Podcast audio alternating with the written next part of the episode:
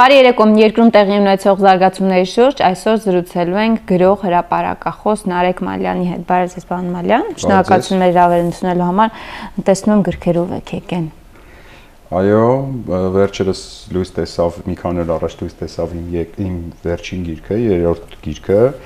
Գիտեմ, որ զրոյական կետը ունես, ես դա մինչև հեղափոխությունն եմ նվիրել այս երկուսը ճունեի Սոդոմի PR-ը եւ Սրտերի թագուհին սիրով նվիրում եմ Ագնեսա ջան, քեզ, շնորհակալ եմ դուր կգա, քեզ տակիր ընթերցանություն եմ մաղթում։ Շնորհակալ եմ, պարոն Մալյան, երեք ձեր ընկերներին բերման ենթարկեցին, adekvat տղաներին բերման ենթարկեցին Սուտ Նիկոլ նախաձեռնության ժամանակ կրկին բերման ենթարկվեցին տղաները։ Երկակի ստանդարտներ են գործում եւ երեք ձեր ընկերները ասում են, այ օրինակ կարելի է երկրորդ նախագահի մամուլի ասուլիսը տապալել եւ որևէ մեկը դրա համար պատասխանատվության չի ենթարկվել, մինչդեռ եթե փորձ է արվում տալսկուն հարց տալ, դրա համար բերման են ենթարկում ոստիկանությունը։ Շատ խոր ու այսպես ընդգծված երկակի ստանդարտներն, այսինքն այստեղ կա մեծ անդունդ կա այդ երկու ստանդարտների մեջ, հա։ Մի կողմից ներվում է ինչ որ մարդկանց, ովքեր իդեպ հիմնականում Սորոսի ֆոնդի հետ կապ ունեցող Սորոսից վարձատրվող մարդիկ են, ամեն ինչ, ամեն ինչ ներվում է իրանց, չթվարկեմ, ինձանից լավ գիտեք, ասուլիսի տապալման մասին է խոսքը գնում, տարբեր տեսակ ակցիաների, մարդկանց վրա հարձակումների, ել չասեմ են, որ տականք, սրիկա, լակոտ, այդ անիմաստ այդ գոռոցները, որ մենք անընդհատ այդ լսում ենք, այդ դրա անունը դրվում է ինչ-որ խաղաղ ցույց կամ չգիտեմ ինչ։ Այդ ամեն ինչը ներվում է։ Օրինակ եմ ասում ձեզ, հա, կա այդ ստանդարտները եւ հակառակը խստագույնս դատապարտվում է եւ նույնիսկ ստեղծվում է այդ առիթը իրավական, որպեսի նույնիսկ սուտ մատնությամբ, օրինակ ոնց որ որ Արտուրեն Դանիելն Արտուրեն մասով եղավ, որ այդ որևէ քաշքշուկ որևէ բան չեղավ, բայց հորինվեց այդ քաշքշուկը ու այդ հորինված այդ քաշքշուկի եւ հորինված այսպես միջադեպի արդիվ արագ փութաջանորեն ինչ որ իրավական գնահատական տրվեց։ Սրա դեմ ես պայքարելու մեթոդը գիտեմ, իդեպ նաեւ տեղակ եմ բազմաթիվ այլ մեթոդներից։ Շատ մեթոդներ կա, որոնք կներեք ես եմ ներմուծել Հայաստան, մի քիչ ահամեստություն շրջանակներից դուրս գամ։ Որն է երկակի ստանդարտների դեմ պայքարելու ձևը, ասեմ ձեզ։ Դատարանները արգելափակեցին։ Շատ լավ, օքեյ, դա օրինական էր։ Ես չեմ կարծում, որ դա օրինական էր, բայց օքեյ, մեր երկրի քաղաքական ղեկավարությունը դա համարում է օրինական։ Օքեյ, շատ շուտով ես նախատեսում եմ արգելափակել Սորոսի գրասենյակը իմ համախոհների հետ մենք կգնանք Սորոսի գրասենյակի աշխատանքը խաթարելու այսինքն կա շրջափակենք ոչ մեկի չենք թողին տեղից դուրս գա շատ մանրամասն չեմ ասի Ձեզ հասարակական խախտելու համար բերման չեմ ասի չեմ ասի ինչ ենք անելու մանրամասն բայց ամենայն դեպս անելու ենք այն մի քիչ ավելի ցիվիլ շրջանակներում ինչը որ արվեց դատարանների նկատմամբ օքեյ Ես պատրաստ եմ, անկեղծ ասած, ցանկացած հոդված, որին վրա կդրվի այդ դրա արդյունքում, ես պատրաստ եմ ընդունել եւ եթե պետքա գնալ բանտ։ Բայց մի պայմանով, եթե գնան բանտ այն մարդիկ, ովքեր որ սահմանադրական կարգի տապալման այդ կոչով գնացել էին երկրի դատական իշխանության գործունեություն են պարալիզացվել։ Խնդիր չկա։ Այստեղ գիտեք հարցը որն է, դու ինքդ պետք է ինչ-որ բան զոհաբերես, ես պատրաստ եմ այդ զոհաբերեմ, որպեսի ցույց տաս անհավասարության խնդիրը ես ասում եմ, ես պատրաստ եմ դա զոհաբերեմ, ես պատրաստ եմ նույնիսկ չլինել քաղ բանտարկյալ, շատ հանգիստ գնամ, նստեմ բանտ ու այդ դեպքում ես կլինեմ ձեր բոլորի խիղճը։ Այսինքն ես կլինեմ բանտում այն բանի համար, ինչի համար շատ մարդ ապարքեվատրության, ապարքեվատրման արժանացավ, այսինքն նույն բանի համար։ Հաջորդը ինձ վրա հարցակված հարցակում գործած եւ արևանգման փորձ իրականացած restart այդ Սորոսից ֆինանսավորվող restart խումբը ազատության մեջ է, okay Ես շատ անհամբեր կսպասեմ իրավական process-ների ավարտին, շատ անհամբեր կսպասեմ։ Եվ եթե այդ մարդիկ ազատազրկման չդատապարտեն, ինչը ենթարկվում է դատապարտեն, ինչը ենթադրում է իրեն հոդվածը, ինչով որ իրանք իրենց մեղադրանք առաջ դրված, այդ հոդվածով իրենց 4-ից 8 տարվա ազատազրկում է սպառնում։ Առևանգում։ Այո, եթե իրենք չդատապարտվեն, ասենք օրինակ, դու գանք ստանան, դու գանք վրցնեն, շատ ավելի լավ Այդ դեպքում մենք բոլորս կիմանանք, որ այդ գործողության համար ենթադրենք 200.000 կամ 400.000 դրամ դու գանք։ Այսինքն վտանգավոր վտանգավոր փուլ մտնում, հա։ Ինչ կանեմ ես։ Ես կանեմ նույն բանը, նույն բանը կանեմ, ինչը որ իրականաց իրականացվեց իմ դեմ Սորոսի փողերով Լարիսա Մինասյանի նկատմամբ Սորոսի ֆոնդի ղեկավարի։ Ես դեռ եթերից հայտարարում եմ, եթե Restart-ի խումբը պատասխանատվության չենթարկվի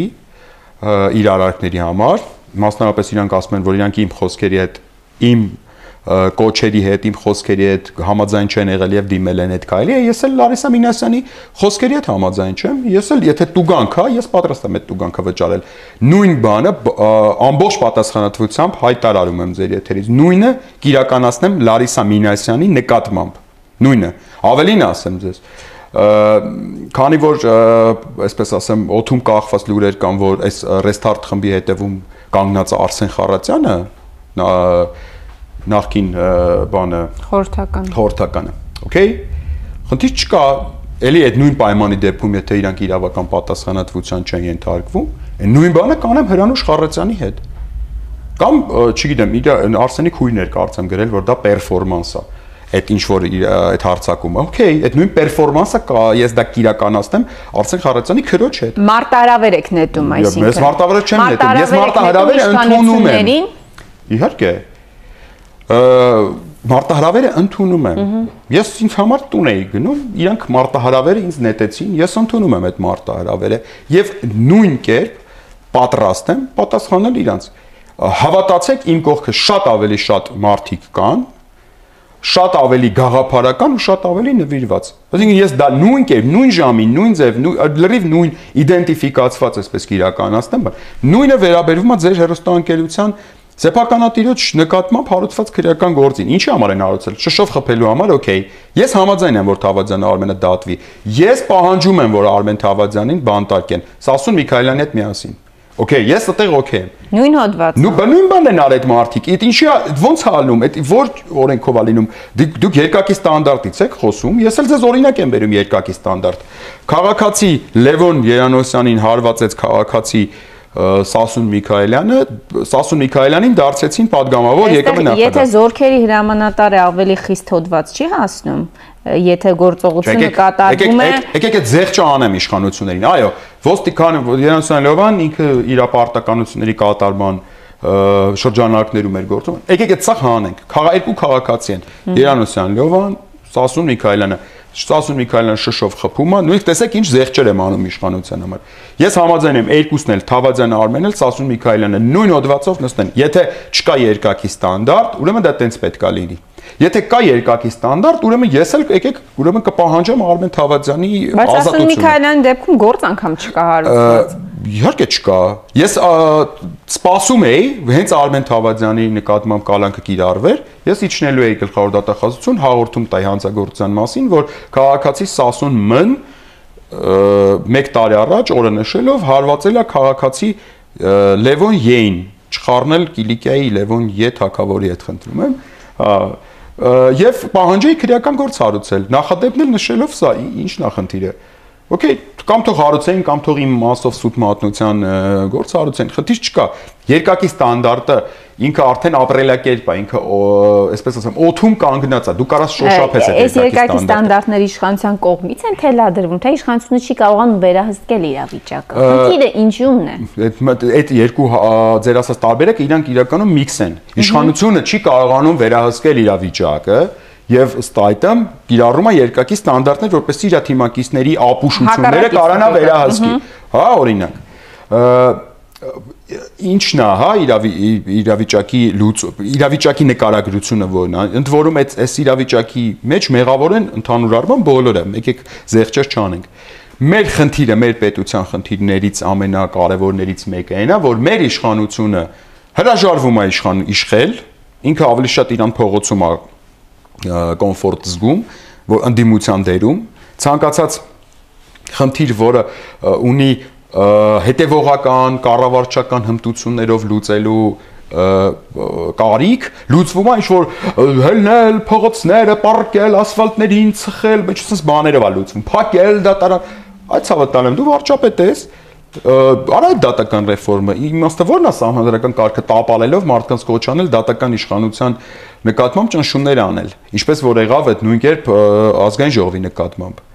դա իշխանության խնդիրն է իշխանությունը չի կարողանում իշխի Ինչի՞ չի ստացվում։ Ստոպ, ընդդիմությունը չի կարողանում ընդդիմանա։ Նույն կերպ ընդդիմություն այսօրվա դրությամբ իր ընդդիմադիր դաշտում տեղավորված քաղաքական ուժերը իրանք ապրում են իրանց նախկին իշխանական հիշողություններով այսինքն անուններ եկեք չտամ, բայց մարդիկ փոխանակ դուրս գան, սկսեն ժողովրդի հետ լեզու գտնել, մարդկանց բացատրել, բան իրանք ավելի վերամբարձ այսպես դիրքերից են իրանք ասես ասած պատավատների պատահաններից են շարունակել որովհետև գիտեք պահը միշտ պահը վաղուց էր հասունացել պահը 10 տարի առաջ էր հասունացել հանրային աջակցությունը Նիկոլ Փաշինյանի նկատմամբ դեռ մեծ է հանրային աջակցություն եթե ես ուզում եմ ստանամ իսկ ես դա ուզում եմ ու դա ստանում եմ ես ոնց եմ անում ես ինքս եմ գնում հանրության մոտ գնում եմ մարդկանց հետ սկսում եմ խոսալ բացատրել ես 1 տարի շարունակ հեսա շուտով 1 տարին կլրանա ուղիղ եթերով Facebook-ով իմ բոլոր գաղափարները, իմ բոլոր տեսակետները հայտնում եմ մարդկանց։ Հանդիպում եմ շատ մարդկանց հետ, բացատրում եմ ես, Արտուրը Դանիելյան, ու էլի շատ մարդ, որոնց իդեպ դուք հնարավոր է հիմա չգիտեք, բայց հետո կիմանաք, մենք շատ ենք, մենք քիչ չենք։ Մենք նկատի ունենք մարդիկ, ովքեր գնացին դեպի հանրությանը Սա ամենևին չի նշանակում, որ մենք հենց այդ միասին ենք անելու Շատ դժվար է ձեր մուտքը։ Իհարկե դժվար է, բայց ինչն է հեշտ։ Էйֆորիայի պայմաններում։ Ինչն է հեշտ, ոչ մի բան էլ հեշտ չի։ Այո, բայց մենք գնացինք դեպի հանրությունը։ Հիմա Արտուրը իր առանձին քաղաքական դիրքորոշում ունի, առանձին քաղաքական ուղին ունի, որին ամեն ինչով ես պատրաստ եմ օգնել օժտական։ Դուք քաղաքականություն եք մտնում շատ հստակ, ում հետ եք։ Ես իմ քաղաքական գիծը ունեմ, որը ես կիրականացնեմ, դուք կտեսնեք։ Ես հանդիպումների այո, որ անցկացնում եք, ում հետ ձեր նպատակը որն է։ Ես հայտարարեցի կոնսուլտացիաների մասին, արդեն սկսում եմ այդ կոնսուլտացիաները, ես հանդիպելու եմ Հայաստանի բոլոր քաղաքական շահագրգիռ ուժերի հետ, Նաև նախկին ռեժիմի, պարոն Մալյան։ Հա, նախկին այդ կոռումպացված թալանչի ռեժիմի հետ եմ հանդիպելու, ռեժիմի ներկայացուցիչների հետ եմ հանդիպելու, բոլորի հետ առանց բացառության։ Ընդհանրապես մի նախապայման ունեմ ես համագործակցության մարդկանց հետ։ Դա հետևել նախապայմանն է, եթե մարդը կամ կուսակցությունը կամ քաղաքական ուժը գնում է մինչև վերջ իր խնդրի լուծման պարագայում, ինչպես արեց օրինակ ԵՊՀ ռեկտորը ինքը չհանձնվեց։ Ես կանգնած եմ ցանկացած մարդու կողքին, ձեր եթերից հայտարարում եմ, ով կգնա մինչև վերջ, ով չի վախենա։ Այդ սկզբից մինչև մտնելը պայքարի մեջ ինքը ինքը մի հատ կհաշվարկի ինքը գնալու է մինչև վերջ, թե չէ։ Գնալու է ես իրա կողքն Այսինքն դուք ռադիկալ ընդդիմություն եք պատրաստվում։ Ռադիկալ չեմ մի քիչ բան է ռադիկալիզմը մի քիչ շատ այնպես վախենալու է իմ պատկերացումներով, ասենք ինքը շատ ավելի բան ոչ, միջև վերջ ես նկատի ունեմ, որ մարդը չի վախենա ճնշումներից, չի վախենա ձերբակալությունից, չի վախենա անհիմն նկատի ունեմ ձերբակալությունից, չի չի տեղի չի տա, չի այդ ամբողջային այդ ճնշումներից բան, այդ մարդը ունի տեսակետ, ու տեսակետը պատրաստ է պնդել մինչև վերջ։ Դա ռադիկալիզմ չի, դա սկզբունքայնությունն է։ Կարելի է լինել այդպես սկզբունքային իդեպ լիբերալ, ասեմ դες իմանաք, պարտադիր չէ որ լինես այսպես մարգինալ կամ չեմ սոցիալիստ կամ կոմունիստ լինես կամ չեմ ֆաշիստ լինես։ Կարաս լինես սկզբունքային լիբերալ։ Իմ համար կարևոր հանգամանքը այն է, որ մարդը կամ քաղաքական ուժը ունի սկզբունք եւ պատրաստ այդ սկզբունքի համար պայքարել ինչև վերջ, այսինքն ինքը չի կեսից չի գնալու առևտրի, կեսից չի հանձնվելու հանձնվել չկա այս թեմայի մեջ։ Պարոն Մալյան, որքանով ես հետևում եմ ձեր գրառումների տակ արված, այսպես ասած, մեկնաբանություններին, ընդհանուր անալիզը հետևյալն է, որ այ ձեզ մեղադրում են կամ Սերժ Սարգսյանի հետ համագործակցելու այս ընթացքը նկատի ունեմ, արդեն իսկ կայացած ընթացքը, հետագա նկատի չունեմ, կամ Սերժ Սարգսյանի հետ համագործակցելու կամ Ռոբերտ Քոչարյանի հետ համագործակցելու մեջ։ Հիմա դուք հայտարարում եք պաշտոնապես, որ այո, պատրաստ եք քննարկումներ ունենալ նախորդ ռեժիմի հետ, այսպես ասած։ այսինքն ինչ նախորդ ռեժիմ դուք հասկանում եք հենց Սերժ Սարգսյանին ու Ռոբերտ Քոչարյանին, ես այդ եմ ուզում հասկանամ։ Նախորդ ռեժիմը այդ ճակերտավոր այդ որ մատուցվում է, դա դա լիքը մարդիկ է Ռոբերտ Քոչարյանի անունը տալուց։ Բացարձակ, ինչի՞ պետք է։ Ես ընդհանրապես ոչինչից չեմ վախենում։ Գիտեք, ես երբեք չեմ համաձայնացնում եւ ամբողջ հաճո չեմ դարձնում։ Հիմա մոտ ընդունված է, չէ՞, ասել մենք նախորդների հետ բացառված է։ Մենք բարև անգամ չենք տալիս նախորդներին։ Գիտեք, սենց ասեմ ձեզ, ինչի՞ է ձեզ թվում, որ աշխարհը սկսվում եւ վերջանում է Սերժ Սարգսյանով կամ Ռոբերտ Քոչարյանով Նոր բևեր եք ձևավորելու, այսինքն։ Ես մի րոպե, մի վարքյան Ագնեսը ջան, ասեմ որ հասկանալի է, դուք տենց մի քանի հարց տվեցիք։ Ուրեմն առաջինը ես քննարկում եմ կամ ինչ որ ուժի հետ միավորվելու ֆորմատ, ինչ որ ուժի հետ, որը իրականում այս քաղաքական այս ռասկլադով ես շատ քիչ հավանական եմ համարում կամ ստեղծելու նոր ուժ խնդրում եմ սա հստակ ֆիքսենք, էլի, որտեղ կարան լինեն բոլոր այն մարդիկ, ովքեր ունեն սկզբունք եւ պատրաստ են այդ սկզբունքի համար պայքարել մինչեւ վերջ։ Հիմա եթե այդ մարդիկ կլինեն նախքին հանրապետական կուսակցության անդամներ, այս բանին չունեմ այդ նման բանակցություն հանրապետականներից որից է մեկի հետ նույնիսկ։ Սիրով, եթե կլինեն Ռոբերտ Քոչարյանի աջակիցներ, որևէ խնդիր չկա։ Եթե կլինեն դաշնակցությունից, որևէ խնդիր չկա։ Ես իդեպ վաղը դաշնակցության հանրահավաքին անպայման գնալու եմ, նայեմ, լսեմ, հասկանամ բոլորի հետ, եթե կլինեն ժառանգության կուսակցություն, ժառանգություն կուսակցության անդամներ, էլի խնդիր չկա։ Ինձ համար կա այսօրվա իշխանությունները համագործակցություն եթե կլինեն այս այսօրվա իշխանության մեջ քաղաքացիական պայմանագիր կուսակցության մեջ կլինեն այն մարտիկ ովքեր որ կհասկանան, որ այդ ամեն ինչը դեպի անդունդ է գլորվում արդեն եւ իրանք արդեն հասնում են անդունդ եւ իրանք կլինեն սկզբունքային մարդիկ, սիրով ինչ ա եղել, ինչն է խնդիրը։ Որևէ որևէ խնդիր չեմ տեսնում, բայց ամեն մեկին ամեն ասած իմ կատեգորիային քաղաքական որոշ վերապահովներ կա բնականաբար չէ որ իշխանությունը ինքը քաղցր բան է այնել այն մարդկանց համար ովքեր մինչև այս վերջերս ասենք փաբերում մատուցողներ են եղել, հա, հիմա ինչ որ падգամավորներ են, բան իրանց թվում է որ սա իրանց հնարավորությունն է, շանսն է, որ այս սա ամեն ինչը հավերժ է լինելու եւ այլն եւ այլն։ Իրանք կպել են այդ շանսից եւ չեն փոխվում։ Շատ սկզբունքների վրա քայլելով անցնում են ու ոտնահարում են։ Հիմա այդ մարդկանց հետ ես ի՞նչ ճանապարհ անցնեմ։ Ես այդ մարդկանց ո՞նց ներգրավեմ իմ գործունեության շրջանակի մեջ։ Եթե մարդ կլինի, ով որ դուրս կգա, կասի, որ այս հարցում իշխանությունը սխալ է այս հարցում, չգիտեմ, ճիշտ է, սկզբունքային դիրքորոշում կարտատից ես չեմ բացառում, ես կդիտարկեմ այդ մարդուն որպես նաև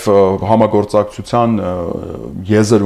եզր կգտնեմ այդ մարդու հետ։ Ինչպես նախքին, ներկա, շատ նախքին շատ-շատ նախքին կոմունիստների հետ էլ կարող են Նիկոլ ասած հակահեղափոխականների շարքը եւս մեկով է ավելան։ Փաստորեն իդեմս Նարեկ Մալյանի։ Մենք մենք առաջինն էինք, եկեք այդ առաջնության այդ բանը չդիչան ձեզ։ Այո, հակահեղափոխ այդ այդ հակահեղափոխություն այդ ինչը որ իրանց պատկերացումներով կա, որը բացարձակ հակահեղափոխություն չի, դեպ ասեմ ձեզ։ Այո, այդ մենաշնորհը մերն է, հələ որ, հələ որ ոչ մեկ չի քաղաքական հայտ չի ներկայացրել քաղաքականապես ընդդիմանալու Նիկոլ Փաշինյանի քաղաքական այս կոր պետականակորցան այս գործունեությանը։ Բայց ինչու, պայքարողներ կան, օրինակ նույն հանրապետականը Ռոբերտ Քոչյանն է հայտարարել, որ միանալու է իշխանությունների դեմ պայքարին։ Լուսավոր Հայաստանը իր չափով, ԲՀԿ-ն իր չափով։ Ես թող իմ հանրապետական ընկերները չնեղանան ինձանից, բայց Թիվ 1 ընդդիմության մենաշնորը ձերն է եւ պահելու եք ձեզ։ Ոչ թե մերն է ու պահելու ենք մեզ, ահա ես եկեք ձեր եթերից իմ իմ ընկերներին հանրապետական կուսակցության մեջ գտնվող իմ ընկերներին նաեւ ասեմ, որ հանրապետական կուսակցությունը նաեւ ունի update-ի կարիք, այսինքն այնտեղ լիքը բան պետքա փոխվի։ Ես չգիտեմ, միգուցե այդ process-ը գնում է ներսում չեմ, ինչքան էլ իմ մասին գրում են, որ ես կանեմ, բան ես ծանոթ չեմ հանրապետականի ներքին process-ներին, բայց update-ի կարիք ունի, որովհետև կան մարդիկ, ովքեր ցանկություն ունեն ավելի ակտիվ կերպով իրենց դիրքորոշումը արտահայտեն, ինչը շատ հաճախ հանրապետական կուսակցության ներսում լինելով չեն կարողանում իրացնել։ Այսինքն այդ մարդիկ ես շատ հանրապետականների եմ տեսնում, այսօր արդեն Ռոբերտ Քոչարյանի աջակիցների շրջանում, մեր շրջանում, մեր տարբեր տեղեր մարդիկ փնտրում են տեղ հարթակ, որտեղ կարող են ակտիվ ցուցադրել իրանց խոսքը ասել։ Իսկ հանրապետական կուսակցությունը շատ այսպես ես տեսնում եմ բարիերներ իրանց ներքին կուսակցական այդ բաները ես տեսնում եմ որ իրանք չեն կարողանում հաղթահարել։ Միգուցե մոտ ապագայում կհաղթահարեն, կմտնեն, չգիտեմ նույնակ Քոչարյանի աջակիցների մասով ես կասեմ, այնպես չի որ ամեն ինչ իդեալական է այդ հատվածում։ Այնտեղ էլ կա ավելի գիտեք ոնց update լինելու այսօրվա իրականության հետ։ Դերակատար կարող է լինել Ռոբերտ Քոչյանը քաղաքական։ Ասենց ասեմ ձեզ, այս պայդրությամբ որևէ մեկը հայտ չի քաղաքական հայտ չի ներկայացրել դերակատարումը քաղաքական դերակատարումը ընդդիմության վերցնելու իր ձեռքը այո, աղել են անհատներ, ովքեր որ քննադատել են, եղել ենք մենք, եղել եղել են հանրապետական կուսակցությունից շատ պատվարժան մարդիկ, հարգելի մարդիկ, ովքեր որ իրանք դիրքորոշումը ասել են, եղել է նաև Ռոբերտ Քոչյանի հայտարարությունը, դաշնակցությունը մի պահ փորձեց համագործակցել միգուցե նաև երկրի պետության շահերից ելնելով փորձեց համագործակցել այս նոր իշխանությանը, հետո հասկացավ ստերեոտիպ, որ որևէ պայմանավորվածություն իզուր է այս իշխանության հետ բայց քաղաքական ուժ, որը կոնկրետ հայտ է ներկայացրել, քաղաքական միավոր, որը կոնկրետ ի վերջո իշխանությունը Նիկոլից իշխանությունը Նիկոլից վերցնելու է քաղաքական ուժ, այլ ոչ թե անհատ։ Գործիքներով եք պայքարելու։ Քաղաքական գործիքներով։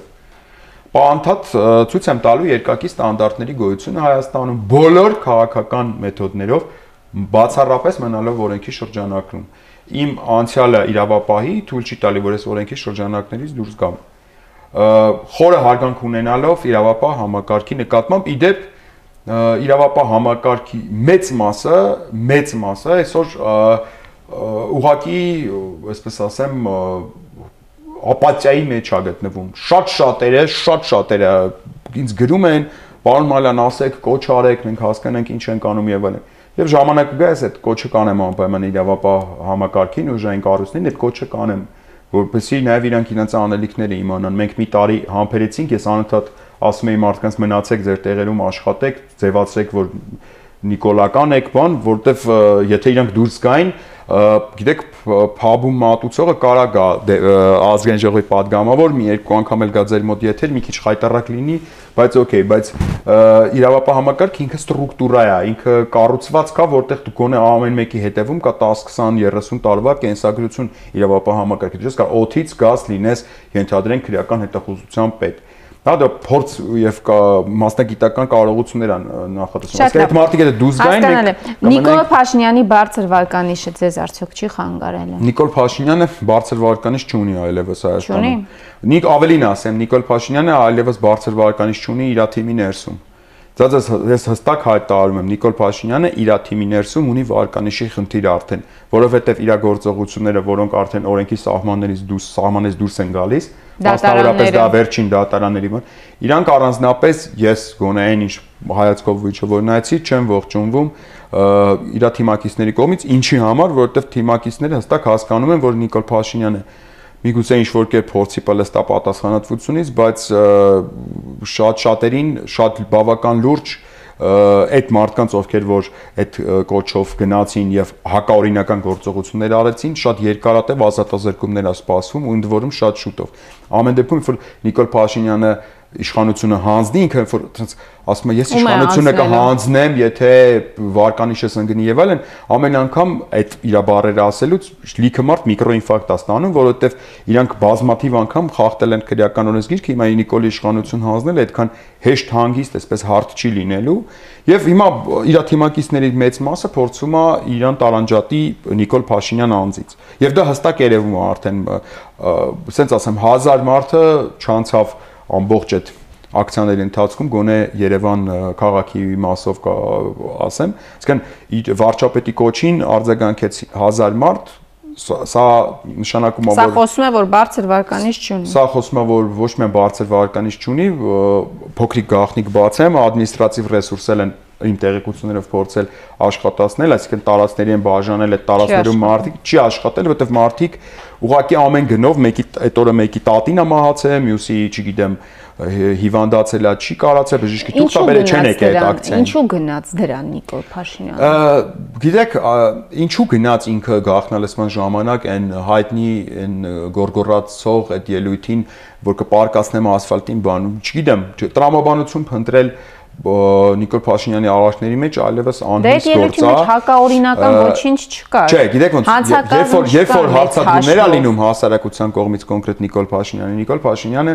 ընկնում է ցուկ ցվանգի մեջ ինքը սովորաբար դա արտահայտվում է որ ոնց ասեմ դες այդ նախանշանները որ իմանաք դուք էլի որ Նիկոլ Փաշինյանը հեսա մի հատ ինչ որ մի հատ այսպես սենց մեծ բան անելու։ Ինքը սկսում է արագ-արագ իր հետևից ստատուսներ գրել կամ լայվեր մտնել։ Այսինքն իր հետևից մի կես ժամ 40 րոպե տենց բանով պրաբելներով մտնում է լայվ, այդտեղից ես արդեն հասկանում եմ, որ հեսա մի հատ անենց բան է ասելու, որ որ օրինքի հետ խնդիր կարա ունենա, որ տենց նորմալ չի եւ այլ եւ այլ ինչ եղավ գաղտնալսման այդ հա, հա, ժամանակ, երբ որ հայտնի դարձավ եւ ինչ եղավ հիմա։ Ինքը դա անում է, որպեսի գլոբալ ժողովրդի ուշադրությունը շեղի դեպի իր ուզած ուղղություն, հա, տիպը սենց սենց սենց վատա չլիմ Քոչարյան Ռոբերտին թողել են, ուրեմն դա դատավորներն են, դա ես չեմ։ Այ հիմա մենք կգնանք դատավորներին կպատժենք օրինակ, հա, կամ գախնալսվում ա եղել, դա այնպես չի, որ ես եմ եղավ, որ դա ինչ որ Տարոն Մարկարյանի ախրանիկներ են, մենք հեսա սաղին կպարկասնենք ասֆալտին։ Այսինքն ինքը արագ հորինում է թշնամի եւ արագ սկսում է մարդկանց կոնսոլիդացնել այդ թշնամու դեմ պայքարի։ Ինչ որ թշնամի կապ չունի ում հորինում է ու սկսում է այդ մարդկանց ասել այս է թշնամին բայց իրականում ես նաև ասեմ պարոն Փաշինյանին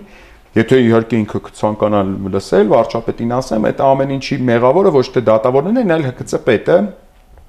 Մասնավորապես երևի իրան զեկուցում են, որ իրանք տենց շատ լավ գրագետ քննել են այդ գործերը, որը որ ուղարկվել է դատարան, եւ այդ տականք դատավորներն են, որոնք որ չգիտեմ, տենց ինչ որ այդ հանճարեղ քնված նախաքննությամբ գործերը սխալ վճիրներով բան են անում իջիկ են դարձնում, բայց պարոն վարչապետին ես տեղեկացնեմ, ինչպես նաև իրան սխալ են զեկուցում, ոնց որ ինքն էր ասում, Իրականում տեղի ունեցել այն մասով, ինչքանով որ ես գիտեմ, տեղի ունեցել անգրագետ նախաքննություն, անգրագետ նախաքննություն, սա այս ամուր պատասխանատվությամբ հայտարարում եմ, կարար ավելի գրագետ լիներ եւ ուրիշ ելք լիներ։ Եվ այդ ամեն ինչը ուղեկցվել է այն ՀԿՑ-ի փաստաբան բանից Վահե Գրիգորյանի այսպես բաներով, էլի ֆոնային, ֆոն պահելու բան այդ գործողություններով, որևէ իրավական process գրագետ այնտեղ չի տարվել, եւ որի արդյունքում գդատարանը մտել մի գործ որը որ այդ բախտին է, ճակատագրին առնի։ Շատ լավ, երկու կարճ հարց։ Ճիշտ հասկացա ձեզ, որ կուսակցություն եք ստեղծելու ամենայն հավանականությամբ կամ որևէ կուսակցության միանալու եք, այո։ Մտածում եմ այդ ուղությամբ, ես ամենայն հավան ինչ միավոր է լինելու։ Ես ես ասեմ մանիֆեստը իմ հետեւյալն է։ Ես մենք այս ամեն ինչի մեջ ժողովրդին բերեցին, ներքաշեցին անցած 10 տարում, հիմա հեղափոխությունից հետո գիտեք գոյություն ունի մի բան, ինչի համար է ժողովուրդը հավաքվել, ինչի՞ց է դժգոհ ժողովուրդը։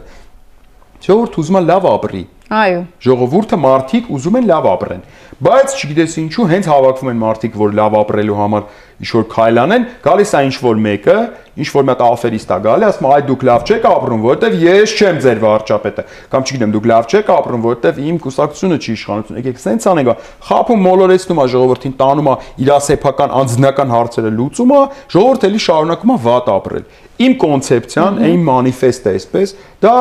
լավ ապրելու մանիֆեստն այսինքն պետքա գտնել ու կան այդ ճանապարհները, իհարկե դրանք դժվար են, բայց կարելի է գտնել այդ ճանապարհը, որով մարդկանց սովորական հասարակ Հայաստանի Հանրապետության քաղաքացին կոնկրետ իր մաշկի վրա կզգա այդ լավ ապրելու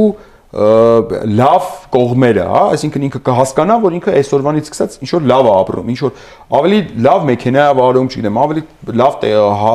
սնվում է, լավ հագնվում է, լավ տեղեր է գնում։ Բայց Նիկոլ Փաշինյանն էր խոստանում, որ լավ են ապրելու։ Չէ, Նիկոլ Փաշինյանը ասում էր, իրոք է։ Ասում բյուջեն 800 միլիոնով կավելացնեմ եւ տպավորություններ մարդկանց մոտ, որ օլիգարխներից իրենց փողերը հավաքել են բաժանել են իրենց։ Նիկոլ Փաշինյանի տարբերությունը կայանում է նրանում, որ Նիկոլ Փաշինյանը մինչև հիմա կոնկրետ իր կառավարության նույնիսկ ծրագիր չունի գոյություն ունի կառավարության ծրագիր։ Իսկ ես ունեմ իմ տեսլականը, ես մը կարճ ուղակի ձեր եթերում ասեցի, բնականաբար քայլ առ քայլ, որը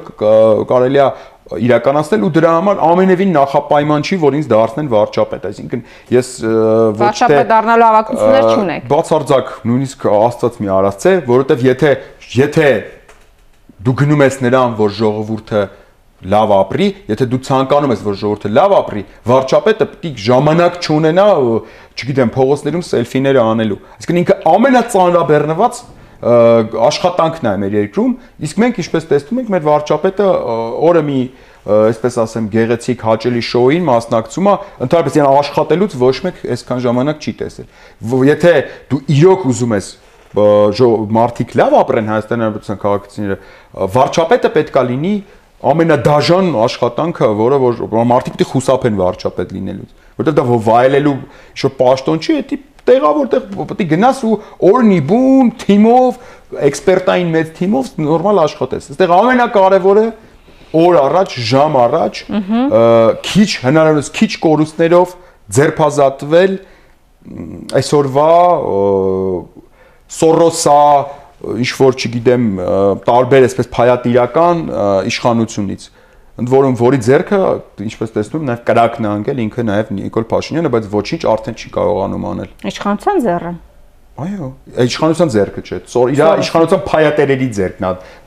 կրակն ընկել որից մեկը տանկին ոնց որ ասում էր այսպես հայեցի եւ ավանդապաշտկին Լարա Ահարոնյանն է իր թիմակից հա կամ Լուլունա կամ չգիտեմ այն Թաչապնյակի փոխթաղապետն է որ անդադ հերախոսակորցնում այդ բոլորի ձեռքը գլոբալու առումով ինքը կրակնանգ է բայց չի կարում դրանցից ազատվի Սանասարյան Դավիթն է, իրա սիրում են բոլորիդ։ Մենք ապրում ենք մի այնպիսի հետաքրքիր երկրում, որտեղ մեղադրյալները գնում են դատարանները, դատական իշխանության գործունեությունը խաթարում են եւ արգելափակում են։ Դա նորմալ չի։ Շատ լավ, շնորհակալ եմ։ Հաջորդ անգամ որպես քաղաքական գործիչ եմ ձեզ արդեն ներկայացնելու, այո, ճիշտ է։ Ես կարծում եմ դա շատ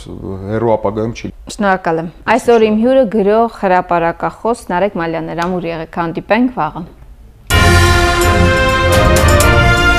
Thank you